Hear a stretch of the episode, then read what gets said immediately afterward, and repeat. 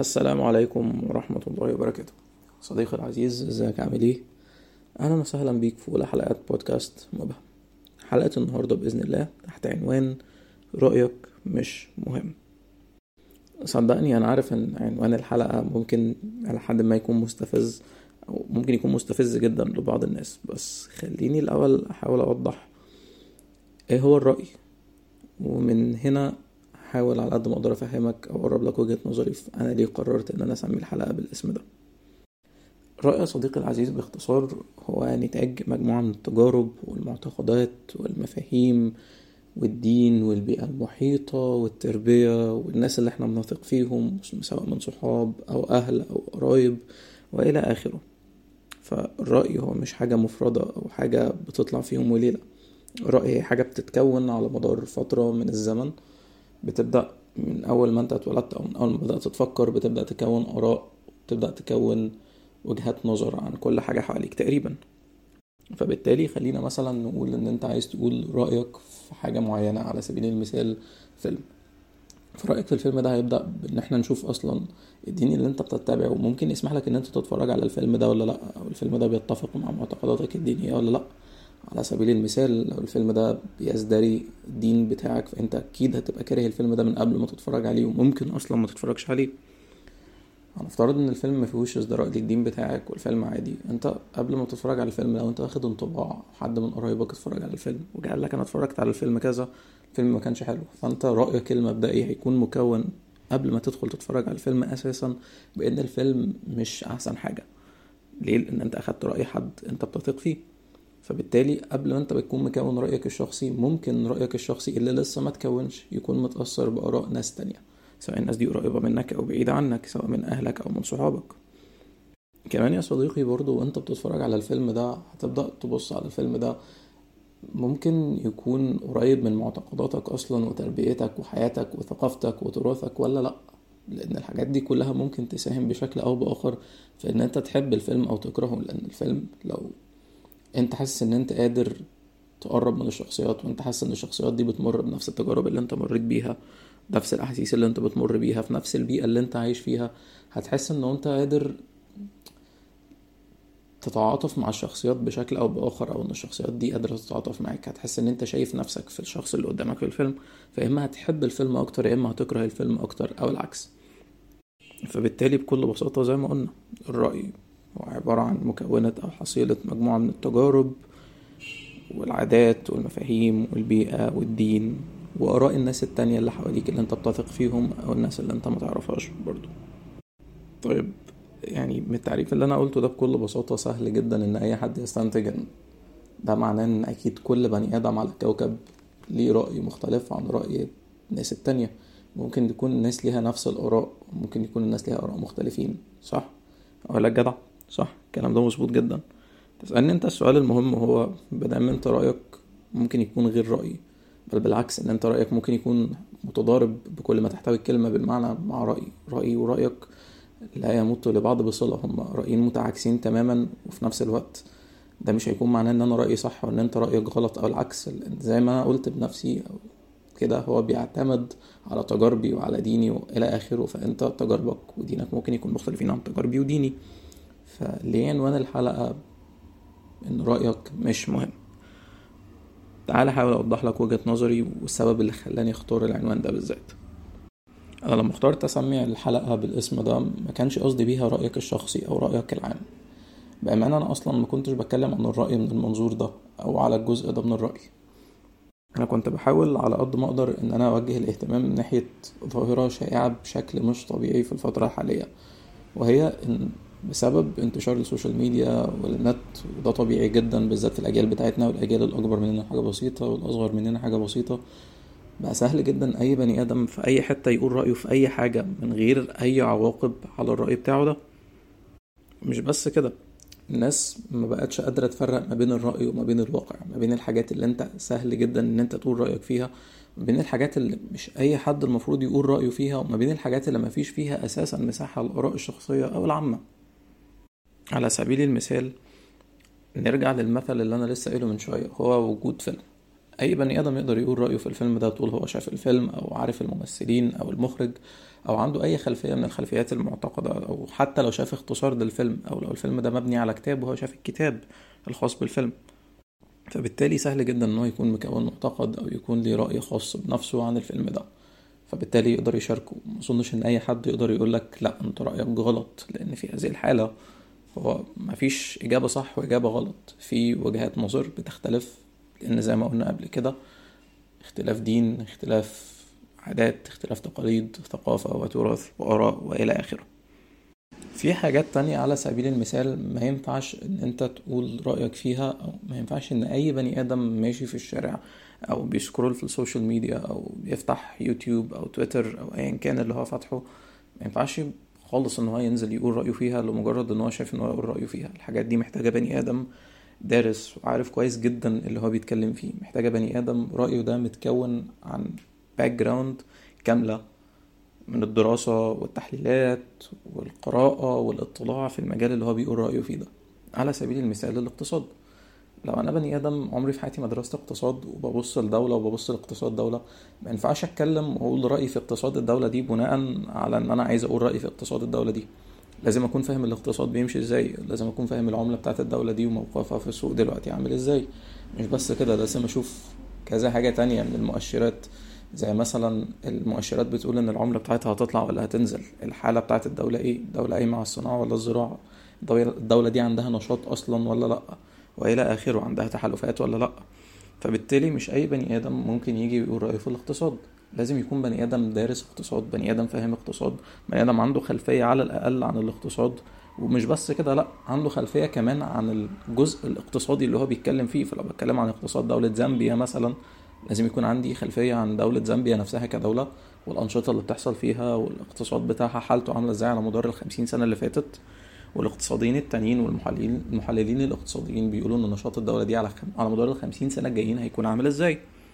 فبالتالي مش أي حد هنا يقدر يجي يقول رأيه. لازم يكون بني آدم دارس بس. طيب عندنا نوع تالت برضو هو تقريبا النوع اللي أنا عامل الحلقة دي مخصوص علشانه وهو أهم الأنواع. هو النوع اللي مفيش فيه مساحة للرأي الشخصي أساسا. هتقول لي يعني ما في يعني إيه مفيش فيه مساحة للرأي الشخصي؟ ليه مفيش فيه مساحة؟ يعني ليه مفيش مساحة للراي الشخصي؟ أقول لك علشان باختصار هي مش حاجة ممكن أنا وأنت نختلف ونتفق عليها بسبب اختلاف أي حاجة بينا زي دين أو بيئة وهكذا. لا هي حاجة مثبتة هي حاجة هي حقيقة. هي حاجة ايا كان رأيك ايا كان رأيي ايا كان شعورك ناحيتها أو ايا كان شعوري ناحيتها فهي حاجة مستحيل تتغير. على سبيل المثال العلوم والدين. هل مثلا أنا لو أنا دلوقتي بني آدم قاعد في أمان الله في أمريكا مثلا متربي في أمريكا ومتربي من غير أهل خالص وعايش لوحدي وغني جدا. وأنت بني آدم متربي في بريطانيا وأهلك معاك وليك عيلة كبيرة وحالتكم الماديه متوسطة. في واحد فقير متربي في تركيا وبرضه ملهوش أهل وإلى آخره. هل ده معناه إن أنا مثلا مفهومي عن الجاذبية هيكون غير مفهومك عن الجاذبية غير مفهوم الراجل اللي في تركيا عن الجاذبية؟ لا. هل أنا بالنسبة لي جدول الضرب 2 في 2 ب 4 وأنت بالنسبة لك 2 في 2 ب 5 وهو 2 في 2 ب 6 لا. إحنا الحاجات دي كلها وقائع الحاجات دي كلها حقائق. رأيي فيها مش هيفرق. رأيك فيها مش هيفرق. رأيه فيها مش هيفرق. يعني ما ينفعش مثلا يجي بني آدم يكون شايف اكتشاف علمي حصل وبعد كده يروح يقول رأيه في الاكتشاف العلمي ده. هو ممكن يقول الاكتشاف العلمي ده من وجهة نظره مهمة ولا لأ؟ ودي برضو مش هتفرق في الاكتشاف في حقيقة إن الاكتشاف ده مهم ولا لأ لأن العلماء التانيين هم اللي هيبقوا فاهمين هو مهم ولا لأ. لأن أنت لو مش عالم مش هتقدر تفهم الاكتشاف ده بيستخدم في إيه. فهنا العلوم بقت جزء من اتنين. يا إما مش أي بني آدم يتكلم ويقول رأيه فيها يا إما ما ينفعش أصلا تتكلم وتقول رأيك فيها. هتسألني أنت دلوقتي سؤال مهم جدا وتقولي طب ما في نظريات بتبقى بشكل من الأشكال موجودة على مدار 500 سنة وبعد كده يجي عالم ويقول لك لا النظرية دي غلط ويقول رأيه وبعد كده رأيه بيطلع هو صح. فمنين بتقول كده ومنين بتقول حوار العلماء ممكن تيجي وتغلط نظرية؟ تعالى يا سيدي أفهمك. أول حاجة لو خدت بالك إحنا قلنا عالم بيجي يغلط نظرية. يعني ده بني آدم بكل اختصار هو كرر حياته كلها إن هو يدرس الفرع ده من العلم. هو قعد طول عمره ما بيعملش حاجة غير إن هو بيدرس بيدرس بيدرس بيدرس لحد ما كبر بقى عالم فضل يدرس برضه. وبعد كده مسك النظرية دي فهم كل الجوانب بتاعتها وبعد كده دخل المعمل بدأ يجرب ويعمل تجارب ويحاول مرة واتنين وتلاتة لحد ما طلع بنتيجة مختلفة عن نتيجة النظرية دي. على سبيل المثال تعالى نرجع لجدول الضرب. هو الناس كلها كانت بتقولك اتنين في اتنين بأربعة. الراجل ده جه شاف اتنين في اتنين ما كانش مقتنع إن هي بأربعة دخل المعمل مسك ورقة وقلم فضل عمال يعمل حبة عمليات رياضية عمل إثباتات رياضية قال لك لا يا جدعان الإثباتات الرياضية والتجارب الرياضية بتقول إن الاتنين في اتنين مش بأربعة الاتنين في اتنين بخمسة أو بستة أو أيا كان الرقم اللي هو وصل له. فالراجل ده ما جاش قال رأي. أو حتى لو قال رأي أو حتى لو قال وجهة نظر فهو قدر إن هو يثبت الرأي ووجهة النظر دول باستخدام أساليب علمية منطقية جدا وخطوات رياضية أدت لأن رأيه ده اتحول من رأي لواقع ليه؟ لأن هو عنده حاجة عنده دليل يثبت بيه وجهة النظر دي ويثبت بيه الرأي ده فما عادش ده رأي بقى خلاص واقع بقى أمر واقع بقت حقيقة فهمت قصدي؟ نفس الكلام برضو في الدين. يعني ممكن بكل بساطة حد يجي يقول لك طب ما انت عندك في اختلاف في الدين. عندك في أربع مذاهب للأئمة الأربعة الكبار. أقول لك جدع شطور كلامك صح.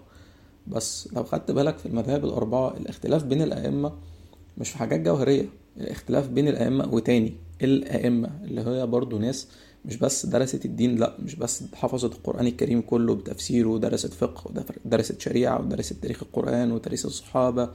وده تاريخ الرسول صلى الله عليه وسلم والغزوات ولغة عربية وترتيل وكل الكلام ده كله. لا الناس دي قعدت حياتها كلها ما بتعملش أي حاجة غير إنها بتدرس الحاجات دي كلها والأحاديث وكل الروايات دي وبتجتهد في إن هي تطلع لنا بتفسيرات وغيره. ومع كده برضو لو بصيت للمذاهب بتاعت الأئمة الأربعة هتبص تلاقي إن الأئمة الأربعة ما عندهمش اختلافات جوهرية يعني على سبيل المثال مفيش اختلاف بين إمام وإمام في عدد الفروض الموجودة. لا هم كلهم مقتنعين إن في خمس صلوات في اليوم. مفيش اختلاف في عدد الركعات في كل صلاة. لا هو صلاة الفجر ركعتين ظهر أربعة عصر أربعة مغرب تلاتة عشاء أربعة. مفيش حد بيقول عكس الكلام ده. مفيش اختلاف في الأحكام الأساسية أو في الضوابط الأساسية زي الوضوء زي الصيام زي الصدقة والزكاة وإلى آخره. مفيش اختلاف في الحدود الأساسية زي مثلا إيه الحد اللي بيقام على السرقة إيه الحد اللي بيقام على الكذب إيه الحاجات المحرمات والكبائر وإلى آخره. لو جيت تبص للأربع مذاهب هتبص تلاقي إن برضه مع إني قلت لك إن هم أئمة ودرسوا الحاجات دي كلها هتلاقي الاختلافات اللي بينهم حاجات طفيفة جدا أو حاجات بسيطة جدا. على سبيل المثال ترجمة أو تفسير الآيات. في ناس بتفسر بأسلوب غير ناس تاني. اللغة العربية الكلمة الواحدة فيها ممكن تحتوي على مئة معنى ومعنى. مش بس كده. تلاقي الاختلافات ما بينهم برضو في حاجات تانية زي على سبيل المثال خلينا نقول مثلا مثلا الأحكام اللي مفيش عليها اتفاق أو الأحكام اللي ما وردتش أو الحدود اللي ما وردتش ولا في القرآن ولا في السنة. والمستحدثات. على سبيل المثال السجاير ما كانتش موجودة على أيام الرسول. بس هي محرمة. ليه؟ لأن التحريم بتاعها جاي من الضرورة بتاعت إن أنت ما تستهلكش أي حاجة محرمة أو أي حاجة بتضر بصحتك فبالتالي هي محرمة وإلى آخره. فكل دي استحداثات. فاستحداث شخص أو اجتهاد شخص يختلف عن اجتهاد شخص. والأئمة الأربعة هم أئمة أربعة لأن هم زي ما قلت لك قضوا حياتهم كلها بيدرسوا الباب ده من العلم. فأنت ما ينفعش تكون بني آدم جاي عمرك في حياتك ما درست دين عمرك في حياتك ما قرأت القرآن كامل أو ما تحفظش القرآن كامل؟ مش عارف تفسير الآيات ومش حافظ الأحاديث كاملة وتيجي تقول رأيك في حاجة معينة في الدين؟ لمجرد إن أنت هواك قالك إن أنت عايز تقول رأيك في حاجة معينة في الدين لازم على الأقل تكون دارس وعارف أنت بتتكلم في إيه كويس. يا إما الحاجة اللي هي الثوابت اللي هي ما فيهاش رأي أساسا زي الحاجات المحرمة قطعا في القرآن ما ينفعش تقول رأيك فيها وإلى آخره. فبالتالي عنوان الحلقة هنا ما كانش قصدي إن أنا أقول لك إن أنت رأيك العام أو رأيك الشخصي مش مهم اطلاقا. كنت بحاول بس على قد ما أقدر إن أنا أنبهك لجزئية إن أنت ما ينفعش تقول رأيك في أي حاجة. مش أي حاجة تبقى موجودة قدامك سواء على ال social media أو على أو على فيديوهات على يوتيوب أو حتى رأي سمعته في الشارع أو رأي مدرس أنت بتاخد عنده درس أو رأي حد من صحابك تقدر تتبناه وتقوله أو تاخد بيه في عين الاعتبار. نقطة كمان حابب أتكلم فيها معاك هي إن مش كل الآراء مسلمات. عادي جدا يكون بني آدم دارس ويقول لك رأي غلط. ليه؟ لأن هو ممكن يكون مش في وعي وهو بيقول الرأي ده. صدقني بتحصل كتير إن البني آدم يكون مسقط جدا هو فين في الحياة ودماغه مصدعة أو حياته مش كويسة أو هو مش واخد باله هو بيتكلم في إيه أو بيقول إيه فبيقول حاجة غريبة جدا أو حاجة متخلفة. نظرا لمكانته الاجتماعية أو مكانته العلمية. كلنا بنعمل كده كلنا بنقول حاجات متخلفة. بنسقط وفجاه كده بتلاقي نفسك مش عارف أنت قلت إيه أو طلع من بقك حاجة غاية في التخلف. فده بيحصل لكل الناس بيحصل في أحسن العائلات حرفيا. ممكن يحصل لشيخ ممكن يحصل لعالم ممكن يحصل لأي بني آدم. فحاول على قد ما تقدر إن أنت لما تسمع حاجة أنت حاسس إن هي غريبة على ودنك أو أنت مستغربها من بني آدم من خلينا نقول من قوله العلم أو بني آدم فعلا بيفهم وأنت ممكن تثق في رأيه إن أنت تسأله عليها تاني في نفس الوقت اللي هو قالها فيه. ولو اداك نفس الإجابة وأنت لسه مستغرب اسأل حد تاني برضه عنده نفس الخبرة في نفس المجال. أو خبير في نفس المجال أو اسأل نفس شخص تاني بعدين في وقت أنت حاسس إن هو يكون أحسن فيه مرتاح فيه بدنيا ونفسيا وإلى حد ما أنت شايف إن هو فيه سوي. أخيرا وليس اخرا يعني نقطة برضو حابب أتكلم فيها سريعا كده وهي الآراء في الأشخاص. آه يا ريت على قد ما نقدر جدعان إن إحنا ما نقولش آرائنا في ناس أو في تصرفات ناس لناس تانية من غير سبب. يعني مثلا أنا لو في تصرف أنا بعمله والتصرف ده مش عاجبك انت ك ك نفترض إن انت اسمك محمد مثلا. فأنت كمحمد المفروض تيجي تقول لي والله يا محمود التصرف اللي انت بتعمله ده مش كويس. والله يا عمار يا صديقي التصرف اللي انت بتعمله ده وحش. أنا شايف إن أنت ممكن تحسن منه بواحد اتنين تلاتة.